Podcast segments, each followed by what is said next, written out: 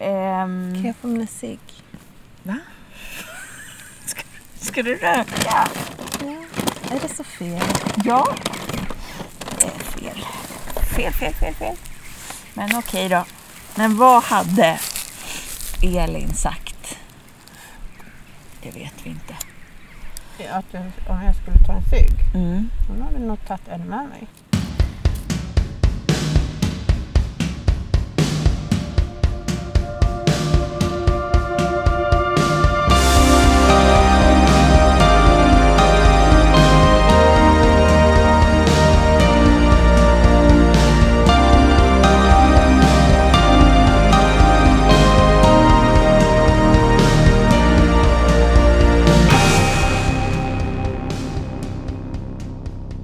Kära lyssnare och vänner till podden Begäret Transrationalitet i galna tider tillsammans med mig, Archie, och min vän Pella.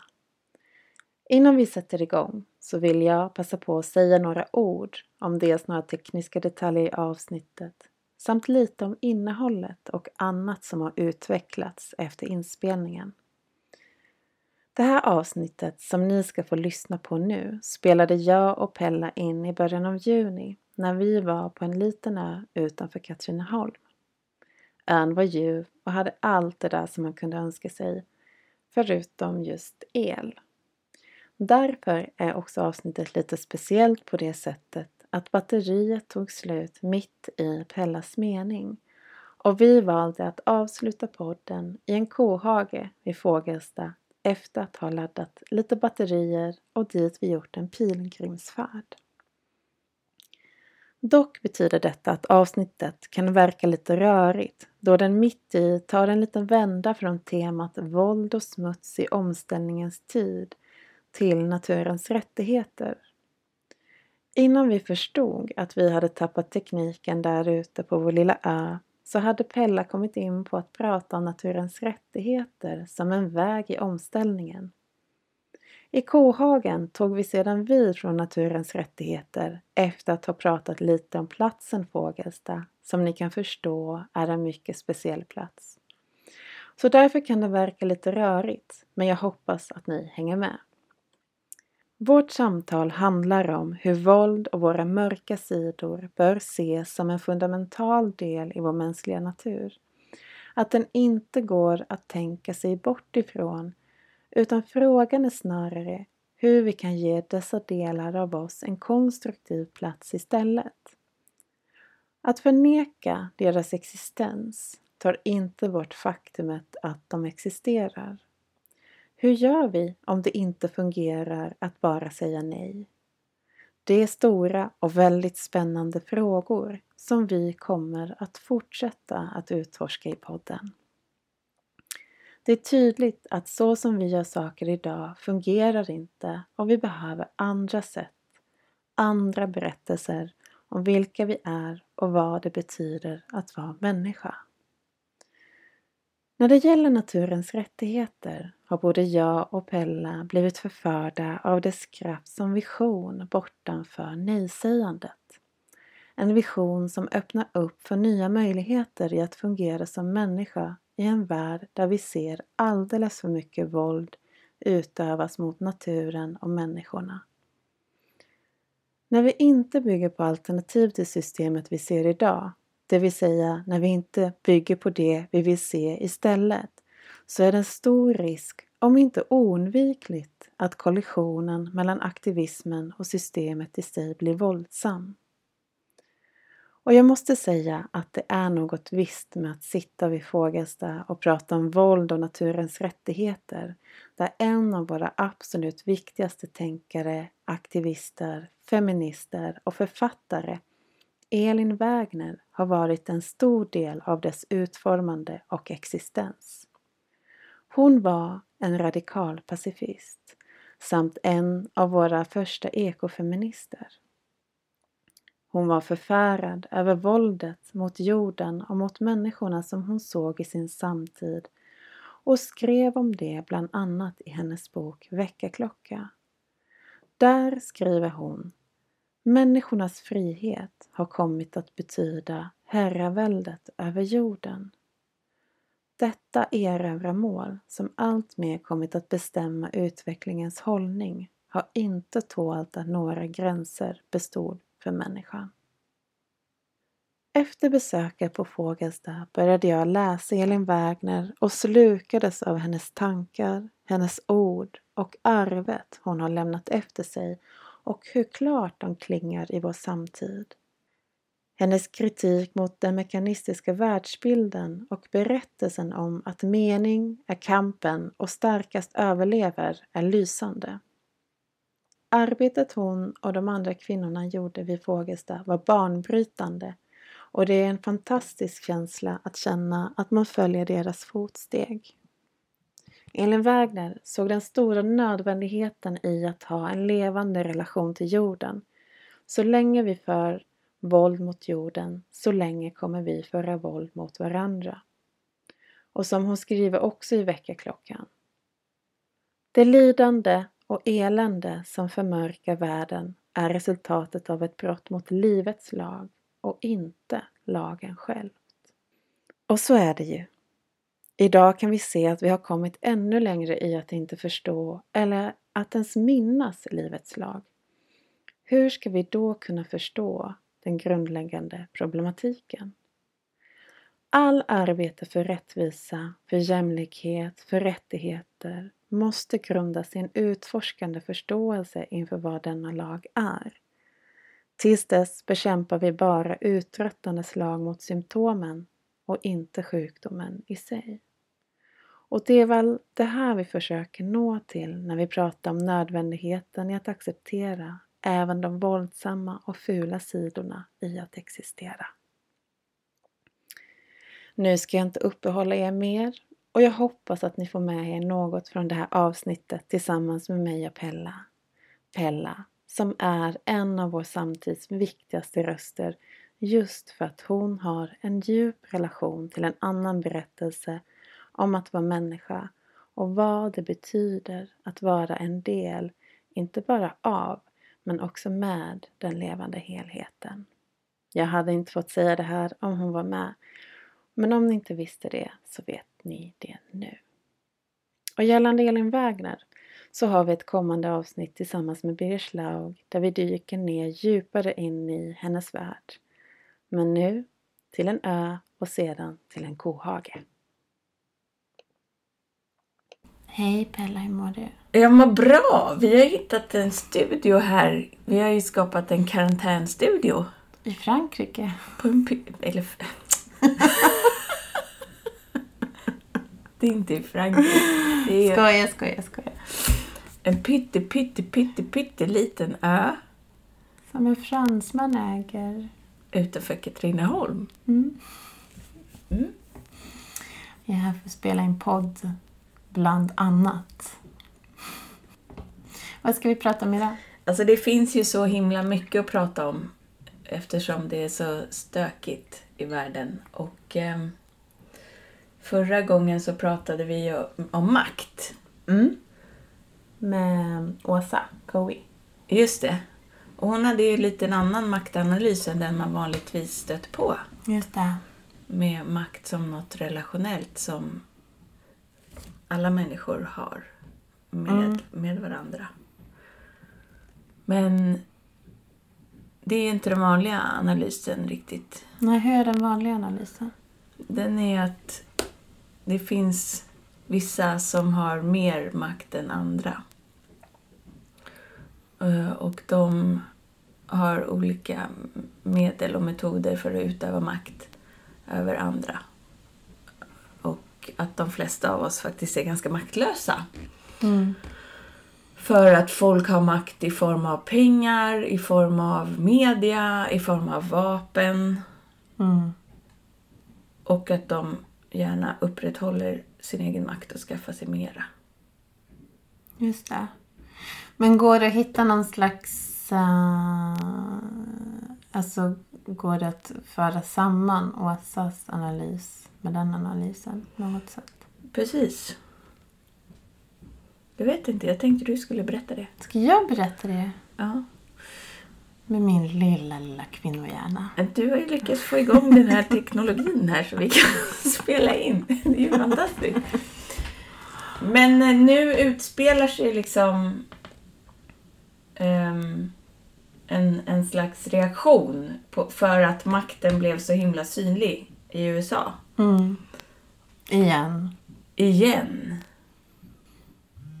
Och då syftar vi då på det som har hänt med George Floyd och som har skapat tidningsrubriker. Eh, och eh, väldigt mycket uppmärksamhet världen över. Med den här svarta mannen som blev dödad av en polisman utan att ha gjort någonting. Mm. Som är, eh, ja, tyvärr måste man säga väldigt vanligt förekommande i USA med den sortens polisbrutalitet. Tror du att det var, liksom varför, varför blir det så himla stort nu? Eh, Med, med riots överallt. Vad, vad är det, hade det med det enskilda fallet att göra eller är det med en större kontext? Nej men alltså det är ju såklart i relation till, eh, till en eh, till en historia. Tänker jag. Um, att, att det här är så vanligt i USA. Och det finns väldigt mycket slitningar. Um, uh, och jag vet ju inte, men alltså där, där hanterades corona också på ett helt annat sätt. Så jag vet inte om, om det också har någon utlösande faktor kring det hela. Eh, alltså jämfört med hur vi hanterar i Sverige. Eh, om det finns någonting, alltså att det också på, någonting, på något sätt är en slags parameter i ekvationen. Men eh, alltså jag tänker, för vi pratade ju om makt och maktlöshet. Eh, och eh, att leva i strukturell förtryck för det tror jag ändå inte att Åsa menar att det inte skulle finnas. Nej, Att det skulle inte finnas strukturellt förtryck. det vore konstigt. Eh, för det finns det ju uppenbarligen. Eh, men att leva i strukturellt förtryck eh, så blir man ju, kan man ju känna sig så otroligt jävla maktlös inför det. Mm. Att, för att det är större än en själv. Och Har förekommit i generationer. Ja, precis. Och, och det, det, alltså jag kan liksom verkligen förstå att man, man blir så jävla trött, utmattad, arg. Och då tar man väl till det som man kan. Liksom. Man blir trängd in i ett hörn. Mm. Och då blir man våldsam. Mm. För att det, det är liksom kanske det som går, det som man har att handskas situationen med. Mm. Att våldet blir en slags utväg i det.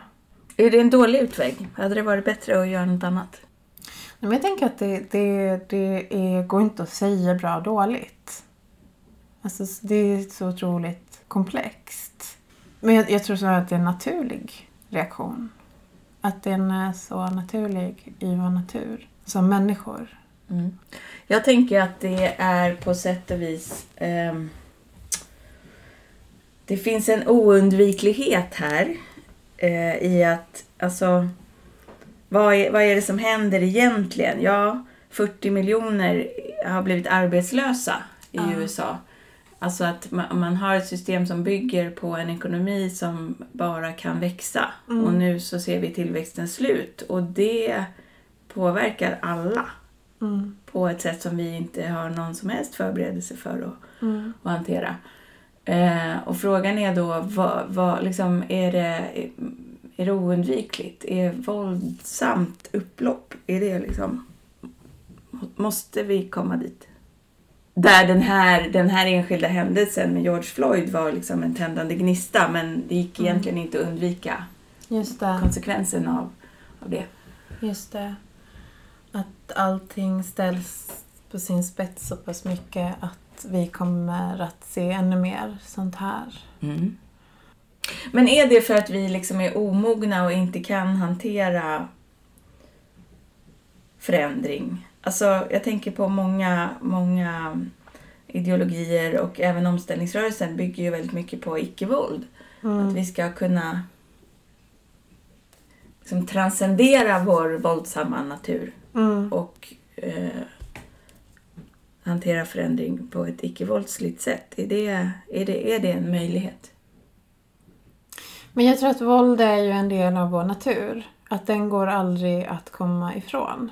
Den, den är där, den finns och den kommer alltid finnas. Alltså det, det är den här vilda sidan hos oss. Den som inte går att förstå med det rationella tänkandet som vi försöker förstå allt med. Mm. Um, för att där tar det rationella slut. Och det finns en, en sida av oss som, som är lika viktig och fundamental som inte går att nå till med det som vi har sysslat med. Eh, och vara i det rationella tänkandet. Mm. Eh, och jag tror att visst, det är väl, vi kan ju tänka massa olika saker. Det har vi ju Mm. hållit på med och så har det blivit helt jävla CP liksom. Mhm. och, och det är helt speciellt att vi kan så här, tänka massa och så, och så tror vi jättemycket för att vi bara lyckades tänka på ett visst sätt att det faktiskt kunde vara sant. Just Bara det. för att vi har lyckats tänka så. Eh, och vi kan säkert tänka att vi kan transcendera vår våld och tro, tro på det som sanning. Eh, och hålla det som, som, som en ledstjärna. Och alltså det är väl väldigt... eh, ja. Det är fint tänkt. Det är fint tänkt men jag tror att, att våld är någonting som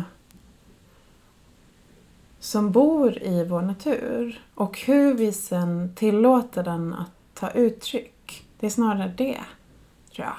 Just det. Hur tillåter vi den att ta plats? Inte att vi ska så, trycka undan den.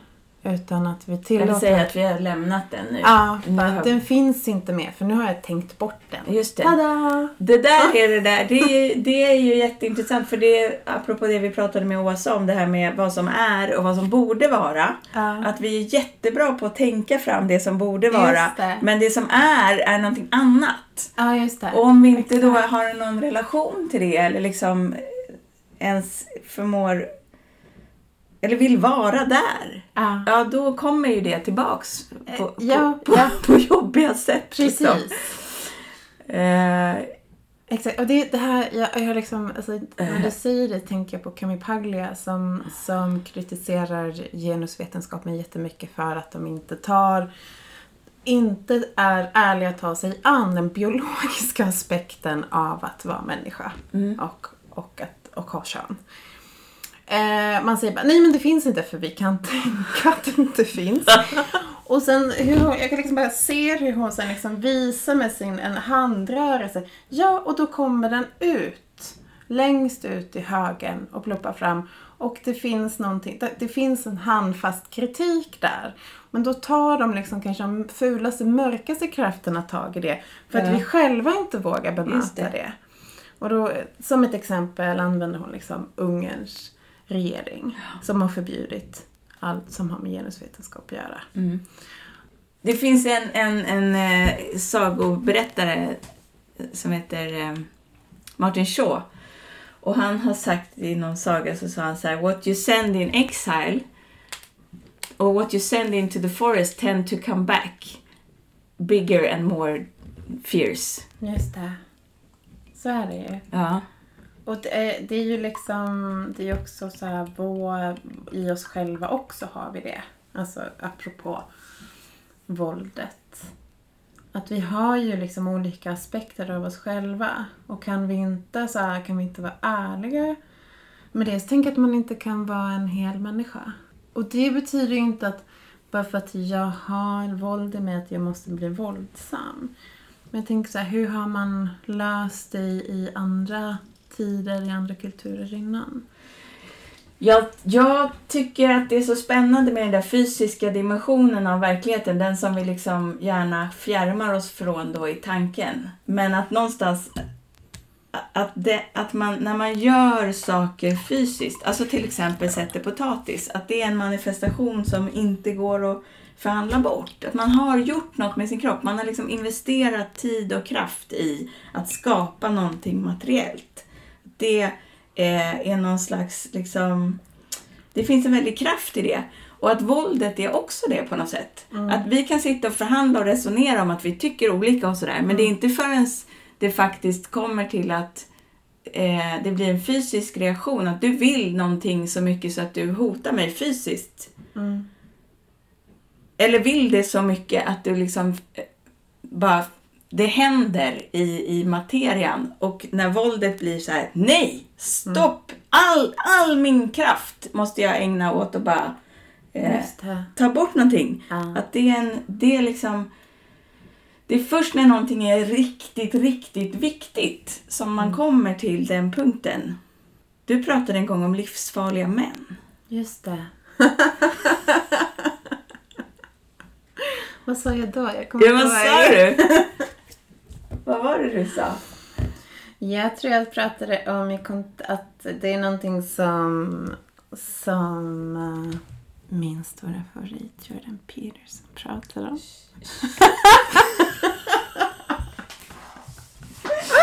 Vadå, du menar en Jordan B. Peterson? Jordan B. Peterson. Nej, jag menar Jordan. Nej. Eh, ja, jag gillar att säga att jag gillar honom för att jag gillar att provocera folk med det. Eh, men han pratade om att... Eh, han pratade i relation till manlighet. Att... Eh,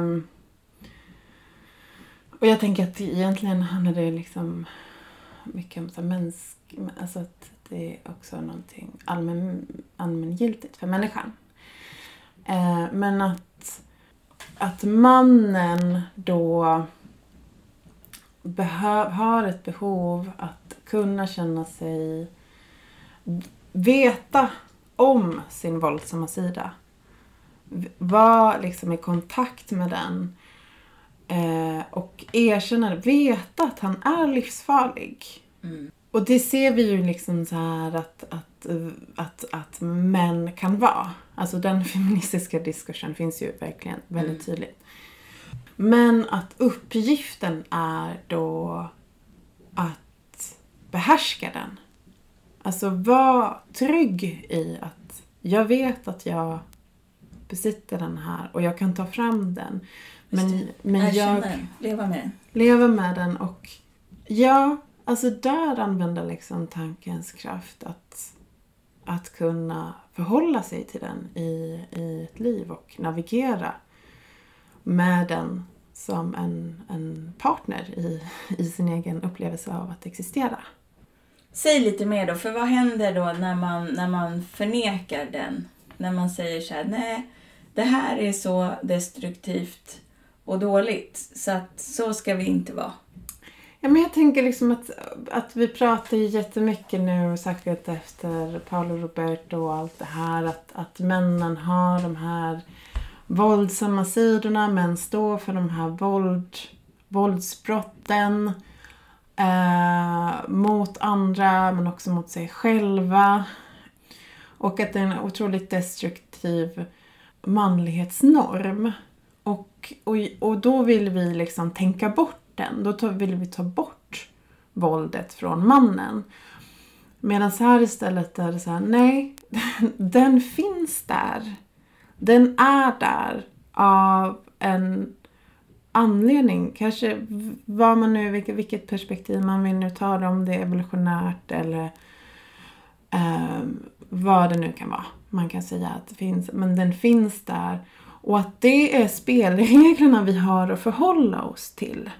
Vi kan inte så här säga nej, det får inte finnas för att det skadar så mycket. Förlåt, men, och jag, nu, jag har ju inte läst på. Jag är så dålig Nej, du är helt underbar. på att läsa på. Men, men jag tänker på ekomaskuliniteten. Ja, vad tänker du då? Jo, att... Shout out Martin Hultman, Paul Billet, Shout out, we love you. And? Vida Wetterfalk. Men alltså, Det här med att ingå i världen eh, som jag tänker att vi är rätt upptagna av att försöka förstå. Hur gör man det på ett vackert sätt? Liksom? Hur Ja. ingår man i världen? Och då vet vi att det finns vissa begränsningar som vi har att förhålla oss till. Det finns vissa spelregler som har med hur livet fungerar att göra Ja. och som vi hela tiden trashar nu med vår våldskultur som vi ingår Ja. i, som är liksom den industriella tillväxtkulturen. Ehm, och den där, de där spelreglerna finns ju även i oss. Vi är ju också livet. Ja. Och det är de du pratar om egentligen. Ja. Så att vad är det att vara en, en biologisk varelse då? Eh, när, när det innefattar att vara potentiellt våldsam. Vad gör man med det? Vad gör man med det? Vad gör, vad gör ekomaskuliniteten med det? Det är en jättespännande fråga. För jag tänker att det här har liksom... Människor genom tiderna har ju jobbat med det Ja. på väldigt, väldigt utsökta sätt faktiskt. Med ritualer och initiationsriter och att utsätta sig för stort och faktiskt ibland farligt lidande. Eh, som ett sätt att ha en relation till sin egen död och till sin Mm. egen destruktiva kraft. Mm. Men hur gör vi det idag? Counter-Strike. World of Warcraft. Nej men det, det är ju det, vi gör inte det. Um, och jag tror att det, det är en anledning till varför uh, män agerar utåt. De, behö, de behöver få ut utlopp för det. Och, uh, och jag, jag, alltså, jag tänker så här att vi, vi har ju, alltså diskursen kommer ju aldrig komma någon vart om vi inte erkänner alltså, den hela, det hela spelplanet och spelreglerna. Så vad är din position i Paolo Gate? Du vill bara att jag ska säga det, eller hur? I Paolo Gate. Ja, men min position, jag... Eh, jag tycker att, eh, att ehm, sex, prostitution är... Det, jag är inte expert inom det och ska inte uttala mig kring det. Eh, men jag vill alltid se saker att de är mer komplexa än... än det, det, är aldrig enkelt. Eh, men alltså det är ju helt fruktansvärt. Alltså trafficking-offer. Det är ju ingen kvinna som, eh, som vill vara det. Som vill vara så maktlös. Som vill vara så maktlös och eh, sälja eh, inte kanske liksom sin kropp på det sättet men tillgången till hennes kropp under en tidsbestämd ja, inom en viss tidsram. Jag tyckte det var väldigt fascinerande när det kom fram och det blev ett sånt ramskri. Eh, och just det som jag tyckte kanske, alltså vi kan lämna liksom prostitutionsdebatten därhän. Jag vill inte gå in på det för det känns, det är inte det som eh, jag vill ägna mig åt. Ut- Men alltså det som jag tyckte var intressant var Paulus, dels Paulus reaktion. Att han var så snabbt på, på att äga, försöka äga sin berättelse. Och så var det ju såklart så otroligt eh, enormt mycket kritik eh, mot honom. Och, och först var jag så här, jag tänkte, jag bara gud alltså han är ju en total sociopat liksom. Med hur han hanterade situationen liksom, att det, det var det här att han, han gjorde sig själv till ett offer. Han eh, ville stå där i rampljuset och liksom förklara sig. Han, han kunde stå där, liksom bikta sig i och skämmas och försöka liksom bara veta. Eh, alltså försökte liksom använda de här liksom mekaniskt, de här verktygen. Så här, men det här vet jag vad jag ska säga när jag har gjort fel. Så här ska jag göra. Jag ska be om ursäkt. Jag ska säga att jag är den värsta människan.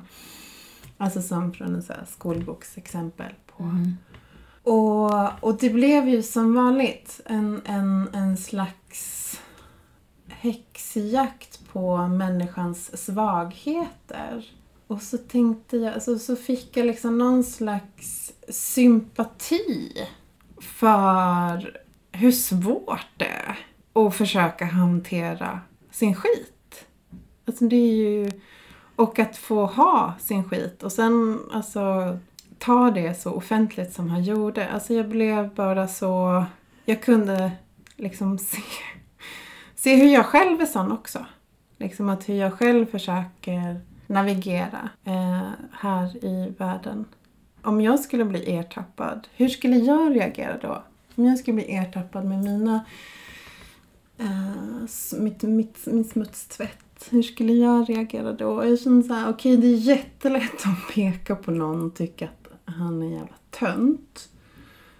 Eh, och ond. Ja, en ond. ond, ond tönt. Ja, en ond tönt. Alltså, ja, han, ja, jag vet inte om han, ja, nej men precis. En ond tönt. En banal ond tönt. Eh, och, eh, och jag var såhär, nej men fan alltså, jag har den sidan också. Jag har den banala, onda tönten i mig också. Och då skrev jag till dig, Je suis Paolo. Är det bara du som använder hashtag Paolo? Jag har faktiskt inte kollat om det är någon mer.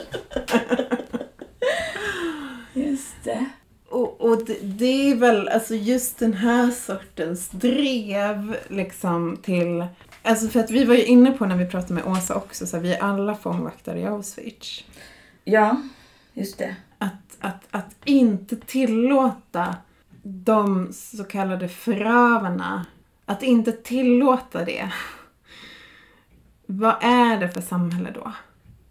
Alltså hur, hur ska vi kunna bära komplexitet om vi bara nej, du får inte finnas, nu ska alla Paulus produkter, alltså Vi har ju stödköpt Paolo Tapenad här också till våran karantän.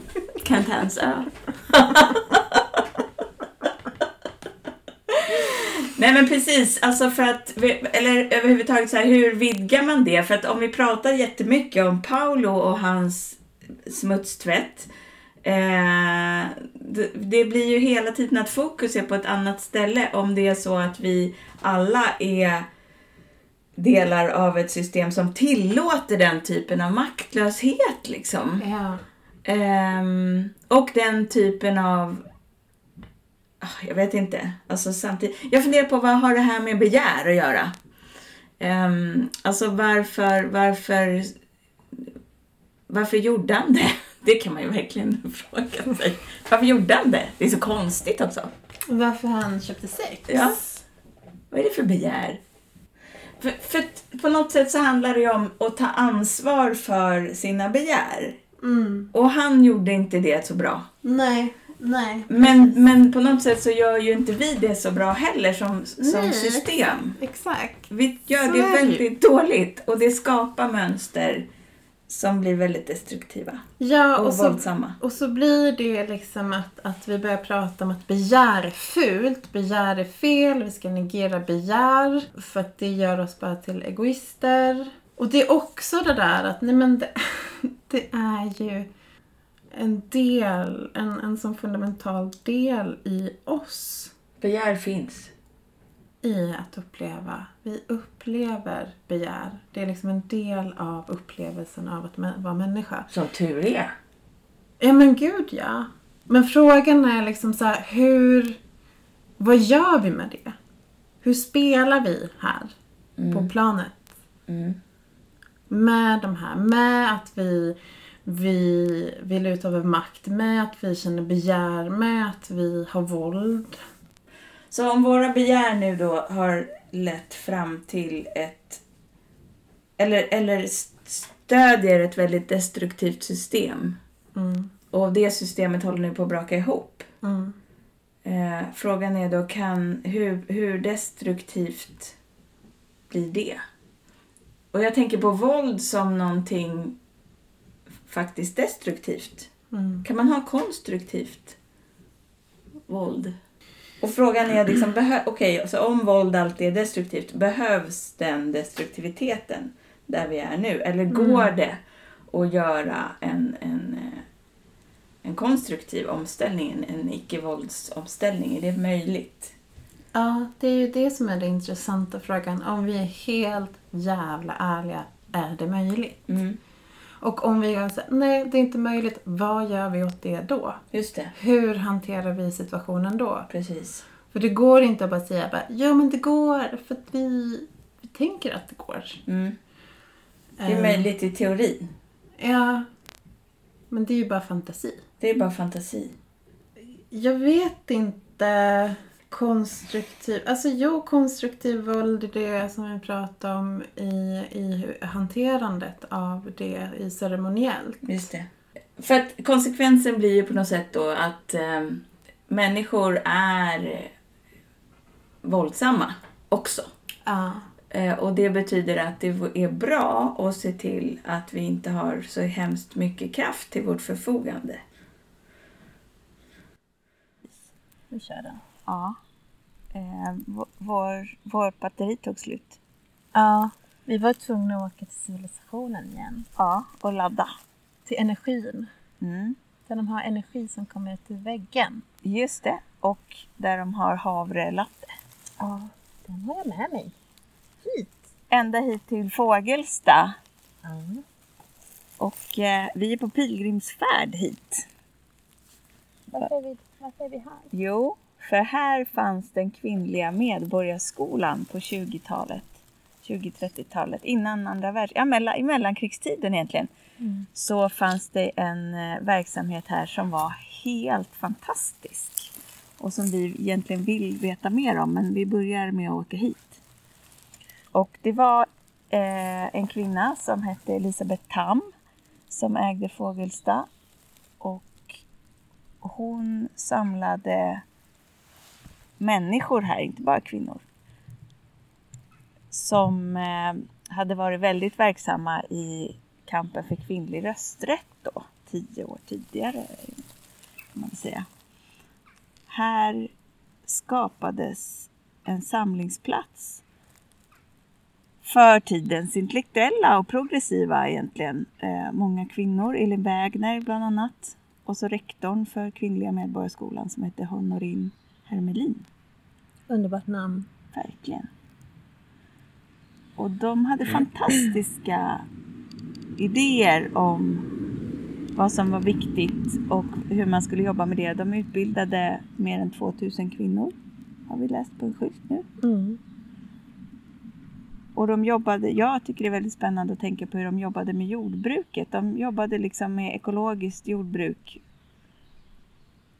Liksom egentligen alla gjorde på den tiden, men det här var ju vid den tiden som det industriella, liksom kemiska jordbruket började utvecklas. Mm. Och de hade en massa tankar kring hur man skulle, ja, hur man skulle bruka jorden utan att Mm. förgifta den egentligen. Bland annat kom ju Elin Wägners bok Väckarklocka ut. Och eh, den har inte jag läst heller. Jag ska, jag ska, jag ska. Mm. Och den var ju så otroligt för sin tid med, med tankar kring ehm, ehm, vad heter det här som vi brukar prata om, hur förtrycken hänger ihop? Inter... Va? Intersektionalitet. Intersektionalitet! Hon var så otroligt intersektionell och hon var liksom helt besviken på att nu hade ju kvinnorna fått rösträtt och vad gör de? Jo, de röstar som männen. Så att det blir inte avrustning, det blir inte ett fredligt samhälle eh, trots att kvinnorna kommer in i politiken utan det är fortfarande samma gamla förtryck av, av jorden Just det. samma gamla härskarideologi som patriarkatet liksom höll sig med både över kvinnor och över naturen och det fortsätter reproduceras trots att kvinnorna då kom in i, eh, i maktens korridorer. Och vad hade hon för citat där älskling? Med fred på jorden. Och fred med jorden, Mm. jag kan inte. Ja, men hon sa i alla fall att det går inte det går inte att ha fred på jorden om man inte har fred med, med jorden. Mm. Och så hade, de var så praktiska också med sin medborgarskola så de uppfann en kommun. en fiktiv kommun som hette Kom till Måtta. Och eh, så övade de sig på att liksom, eh, göra, bestämma tillsammans Mm. i denna kommun. Och det är ju samma som vi håller på med fortfarande. Just det. Det är väldigt inspirerande att vara här. Jag blir väldigt berörd faktiskt. Vi sitter i kohagen. I kohagen. Det är väldigt vackert. Ja. Du, kan inte vi... Det faktiskt, Birger Schlaug är lite expert på Elin Wägner. Kan inte vi be honom göra liksom ett webbinarium för oss Jo. om Elin? Birger, Birger, detta shoutout. är... Shoutout! Vän till podden Birger Schlaug. Ja, det här är en eh, önskan. Som är, det är ett begär vi har nu. Gud vad kul, nu har vi något att se fram emot. Men du, innan vi, innan vi, när vi var på vår lilla ö Ja, eh, och vi fick eh, problem med energiförsörjningen. Vad var det du ville säga då? Du började prata om naturens rättigheter. precis. Som en vision som jag tror att Elin Wägner och, och de andra här i Fågelsta, de hade nog gillat den jättemycket. Tänk om vi hade fått jobba med dem och naturens rättigheter. Men det får vi inte. Men då finns det en som heter Will Falk som är jurist och han jobbade då som Next Friend till Coloradofloden. Ja. Coloradofloden är en av de stora floderna i USA och precis som många andra av världens stora floder så når den inte längre havet alltid. Utan den slutar upphör, den upphör att existera faktiskt. Ja. För att dess vatten tas av människor till en massa saker som bevattning och eh, kraftproduktion och sådär. Och eh, då var det ett gäng som tänkte att det här är för jävligt. Det är inte konstigt att Coloradofloden upphör att existera för den har nämligen inte rätt till sin egen existens. Men det borde den ha. Så att nu stämmer vi staten Colorado på för flodens räkning. Och det, jag har lyssnat på den juristen som drev den processen faktiskt. Han var väldigt kul att lyssna på. Han var så otroligt arg och sa att courage is the mother of... Nej, without courage all the other virtues are useless. Damn. the mic. Han pratade, han pratade och så hade han en slide som var det. Om man inte liksom har mod och utmana, det spelar ingen roll vad man har för andra dygder. För att det, ja, de kommer ju aldrig att komma till uttryck då. Nej. I alla fall. Och, och Will Falk då, han, han eh, har skrivit om, han han har skrivit en jättevacker artikel om, om Coloradofloden. Vi kan dela den kanske Ja. med podden. Och då skrev han att The truth is I never thought we had a chance in hell. I saw the lawsuit as an opportunity to guide concerned people through a process that would shatter their false hopes, replace them with experiential experiential knowledge of the vast difficulties inherent in working for change within the legal system within the legal system designed to protect exploitation of the natural world. Så det var därför han gav sig in på den där processen. Mm. Eh, för att folk skulle tappa hoppet eh, i, på systemet. egentligen. Just det.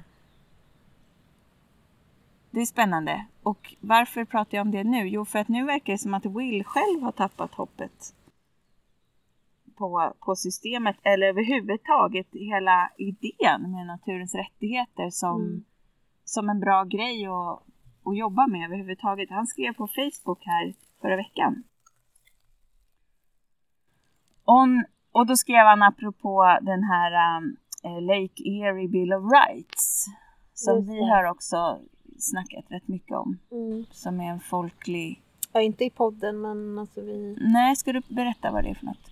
Eh, ja men Lake Erie är ju eh, det typ elfte största sjön i världen. Mm. och eh, som är väldigt, eh, mår väldigt dåligt. Eh, Och på, på 70-talet så var det ju liksom, alltså i och med att det är väldigt mycket industrier längs, längs, eh, längs, eh, längs, längs sjön. Och på, på 70-talet så började en av, en av floderna som flödar in i, i sjön att eh, brinna. Och, eh, det, är ju, det, det, är ju verkligen ett tecken på att något inte stämmer. Mm. Um, och det var ju det som sen ledde till Clean Water Act i USA. En av de första miljölagarna i USA, ja. Precis. Uh, och uh, som liksom ändå hjälpte väl till att förbättra situationen något. Men uh, för några år sedan så var det en väldigt, väldigt varm sommar. Det blev väldigt mycket algblomning i sjön. Ja, så människor kunde inte dricka vattnet. Flera hundratusen människor var utan dricksvatten. Ja, och kunde liksom inte eh, svalka sig, kunde inte vara nära sjön för det var liksom farligt. Då blev människorna i Toledo, som är en stad ungefär Göteborgs storlek tror jag. Mm. De blev så himla trötta på, på den här situationen. Och frustrerade och över att lagarna inte kunde skydda ens deras mest grundläggande behov, behovet ja. av vatten. Ja, exakt.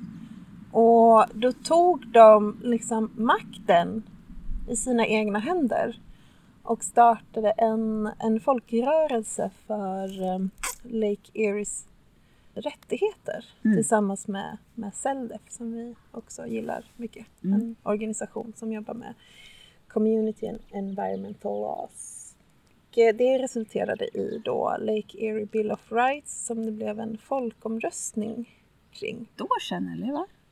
Ett drygt år sedan bara? Ja, 2019 var det väl på Ja, februari. Ja. Eh, vilket var eh, vilket blev ju såklart en, en, en fantastisk vinst för den här eh, folkrörelsen. Ja, för att den var, den var ju en överväldigande majoritet, typ 70 procent, som tyckte att det var en jättebra idé ja. att sjön skulle ha rättigheter. Precis. Och det spred sig också till att fler eh, lokalsamhällen runt började jobba med frågan också. Mm. Och det är också, vi i Sverige är väl inspirerade av det och jobbar med Vätterns rättigheter. Just det. Um, med inspiration från Lake Erie Bill of Rights. Men lyssna på vad Will skriver här nu då förra mm. veckan. On May the 5th, the city of Toledo voluntarily dropped its appeal of federal judge Jack Sohary's decision striking down the Lake Erie Bill of Rights. This means Lake Erie Bill of Rights is dead without ever achieving meaningful protections for Lake Erie. Speaking as a practicing rights of nature lawyer, this result was virtually inevitable. I'm supposed to be working on an article about why the arguments Sohari used to invalidate the Bill of Rights are bullshit, and they are bullshit. The problem with engaging with Sohari's arguments is that it gives people hope that if we just make better arguments, the courts will eventually come around and embrace rights of nature. More and more, my participation in rights of nature work feels dishonest. Feels like I'm enabling procrastination that the natural world simply cannot afford. What I mean is, the courts are not going to change to respect rights of nature without a massive underlying shift in public perspective. While we wait for this shift, however, more and more of the world is destroyed. Lake Erie and other natural communities can be protected if we were willing to engage in more direct forms of confrontation. Very few people are willing to say this publicly, and even fewer are willing to engage in this confrontation. But our unwillingness effectively sacrifices magnificent beings like Lake Erie so we can make our points about the need for change. Many of us already know we need to change. Shouldn't our efforts focus on summoning the courage to truly protect the natural communities who give us life? Vad tänker du? Jag tänker att det här är en person som har jobbat mycket och direkt med naturens rättigheter på flera olika sätt. Och här här har han tappat hopp i, hoppet i liksom hela den idén och säger att nej men Mm. eh, det räcker inte, det går inte, det funkar inte, systemet, det går inte att ändra systemet, det är för starkt. Vi måste jobba med, med direkt konfrontation, det vill säga våld. Mm. Eller det vill säga i alla fall liksom en fysisk, ehm, kanske inte våld, det behöver inte betyda våld, men en, eh, att, att stoppa maskinen liksom med våra kroppar. Det är det det. som jag läser in där. Och han är ju också, när man är en del av, men han är ganska nära en rörelse som heter Deep Green Resistance vars främsta förespråkare är väl Derek Jensen. Som också menar att det, det, det finns inga... Det, det är alldeles för sent för all annan form av aktivism än, än den liksom, fysiska hejdandet av förstörelsen. Mm. Men samtidigt, han pratar ju emot sig själv lite här. Tycker jag också. Eller vad, vad tänker du? Men jag tänker på den här känslan av, som vi pratade om, alltså makt och maktlöshet. Börjar jag tänka på Mm, igen. just det. Att man, man blir så... Man ställs inför andra makter. Andra liksom... Andra viljor att göra saker på ett visst sätt. Som, som man ser skadar och gör våld Mm. på, på sådant som vi, vi, vi håller väldigt, väldigt kärt. Just det. Och som vi ser har en, en rätt att, att få finnas utan att bli våldförda på. Ja. Ehm, och att det är ett sånt skifte i, i förståelsen på vad är det där utanför min mänskliga upplevelse som vi kräver när vi pratar om naturens rättigheter? Jag vet inte. Jag... jag eh, alltså det, det är väl också att ehm, jag kan förstå honom. Jag kan förstå den... Man är så liten i det. Mm. eh, inför de här krafterna som har kommit utifrån att vi har tänkt tankar Mm. som vi pratade om tidigare. Liksom. Att Mm. vi har tänkt tankar som sen har blivit att, att vi agerar ut dem på olika sätt i världen och har resulterat i ja, men att vi har en massa energi, vi kan ladda våra datorer och telefoner och eh, vi har liksom mat konstant i butikerna och vi kan eh, hålla på som vi håller på. Och utan att bry oss om att vi... Alltså det är inte förrän vi förgiftar vårt dricksvatten som vi behöver bry oss om det lite mer och inte ens då. Inte ens då. Och det som, det som är just att, att, eh, att, att när man har tänkt tankar som har resulterat i sådant som kan ses som väldigt fantastiska framsteg. Mm.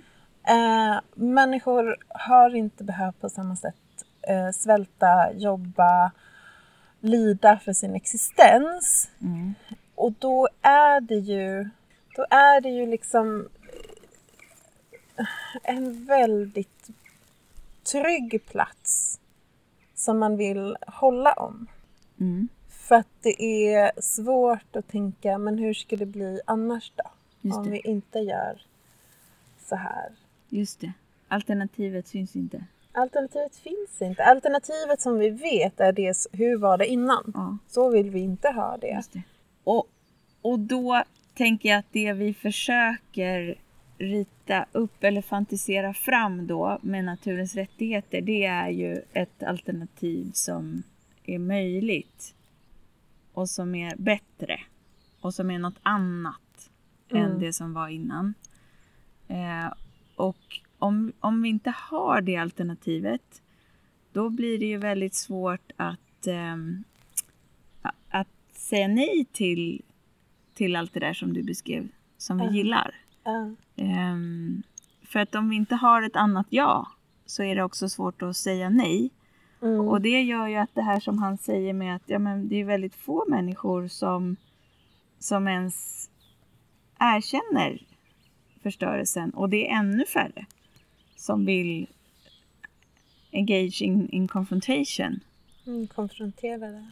Ja, och, och också, ja precis, jag konfronterar det rent fysiskt då, det är ju jättefå. Eh, och det är, väl, det är väl det som naturens rättigheter gör, tänker jag. Alltså det är visionen som gör att man orkar se det onda, konsekvenserna av, av, ja, men av de begär som vi har idag. liksom. Men vad tänker du då, liksom, alltså, om, om vi tänker skillnad då på att konfrontera, vi har ju något, alltså Extinction Rebellion som är väldigt konfrontativt Mm. och drivs av, eh, av, av det han, alltså Mm. av att man har sett. Ja. Men vad tänker du liksom är skillnaden där då? Alltså för att vi får ju ändå erkänna att det finns ju människor som faktiskt sätter sig ner och stoppar trafiken och försöker Mm. konfrontera systemet och Precis. så. Det där har ju vi pratat om förut. Att det... ehm, alltså hur blir det då? Om det inte finns något tydligt alternativ som, kan, som man kan gå till. Det inte finns någon plats att gå till. Mm. Eh, och så finns det folk som konfronterar systemet. Vad gör systemet då? Mm. Om det inte kan ta någon annan väg än det den redan har, Ja. vad gör det då? Ja, det, det blir våldsamt. Ja. Så det är liksom att, att, att kunna jobba, liksom gräva fram en ny väg där floden kan få flöda. Precis. För att om man bara vill stoppa floden, då kommer floden att spränga fördämningen. Ja. Ehm, Så du pratar om att, liksom, att även, även om det, det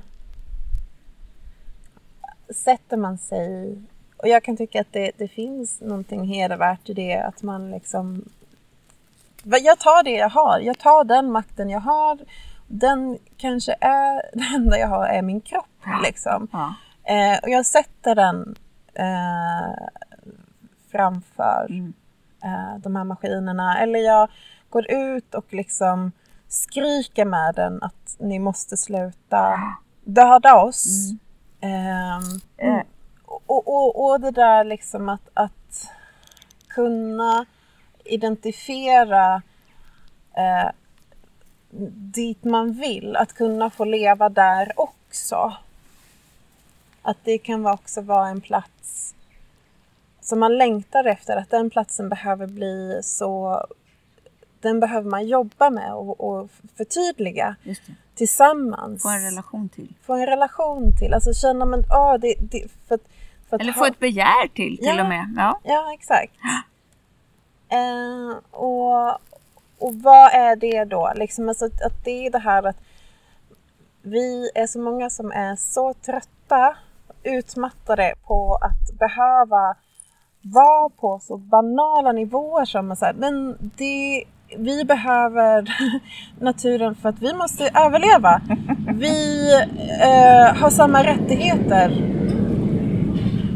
Inte samma kanske. Nej, nej, inte med naturen, utan jag menar oavsett hudfärg så, så är vi inte... Alltså, alltså att man ska behöva förklara det Ja. är ju så banalt. Ja.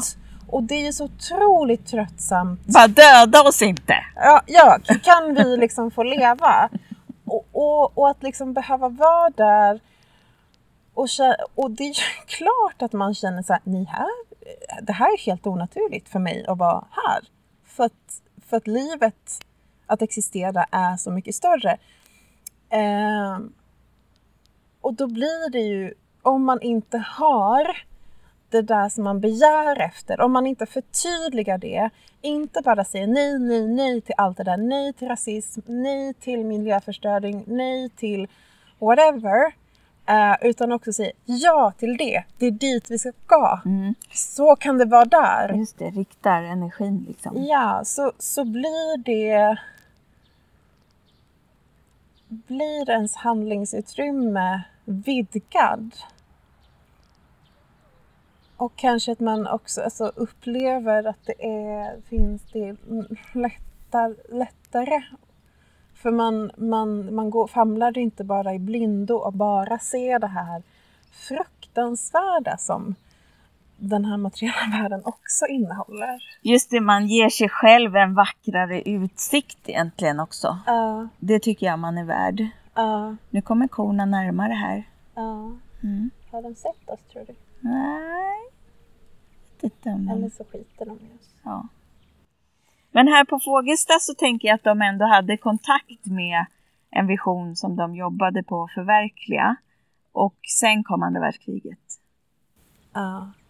Och sen kom hela den stora accelerationen. Som gjorde deras vision eh, egentligen o, otillgänglig eller o, otrolig. Eller den, det fanns ingen liksom... Fånig. Ja, Fåniga fånig, kvinnor, Ja, fånig. Sina kvinnohjärnor som försök.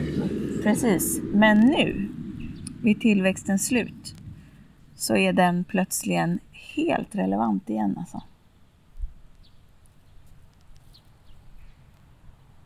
Kanske ska bjuda in Birger till podden. Ja, jag tror nästan mer det än ett webbinarium. Det vore jättekul. Det gör vi. Ska han mansplaina för oss? Han får mansplaina Elin Wägner.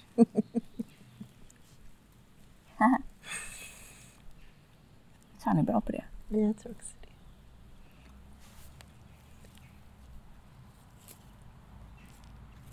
Ja, men vad gör vi då? Nu med corona och allt. Känner du dig hopplös? Känns det hopplöst? Nej. Eh. Känns det hopplöst? Nej, jag tycker inte att det känns hopplöst. Alltså, jag vet inte, har vi inte pratat om det här redan? Men det är ju spännande med corona för att plötsligt så är det fler som, som tappar det där hoppet som Will Falk pratade om.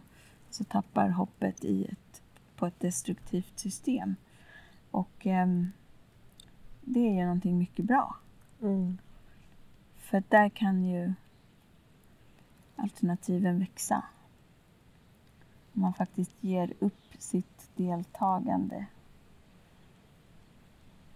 i ett destruktivt system och börjar fundera över vad kan jag bygga istället. Just det. Så jag, jag känner ju mycket hopp samtidigt som, som våldet är närvarande. Jag tänkte på vad de hade gått igenom här. De hade liksom precis avklarat ett första världskrig. Och sen fick de gå igenom det andra. Så det, det finns någon, alltså att man kan hämta styrka i det. Ja, De som har gått före oss. allt de har klarat av och fortsatt att resa sig upp och, på morgonen och göra saker.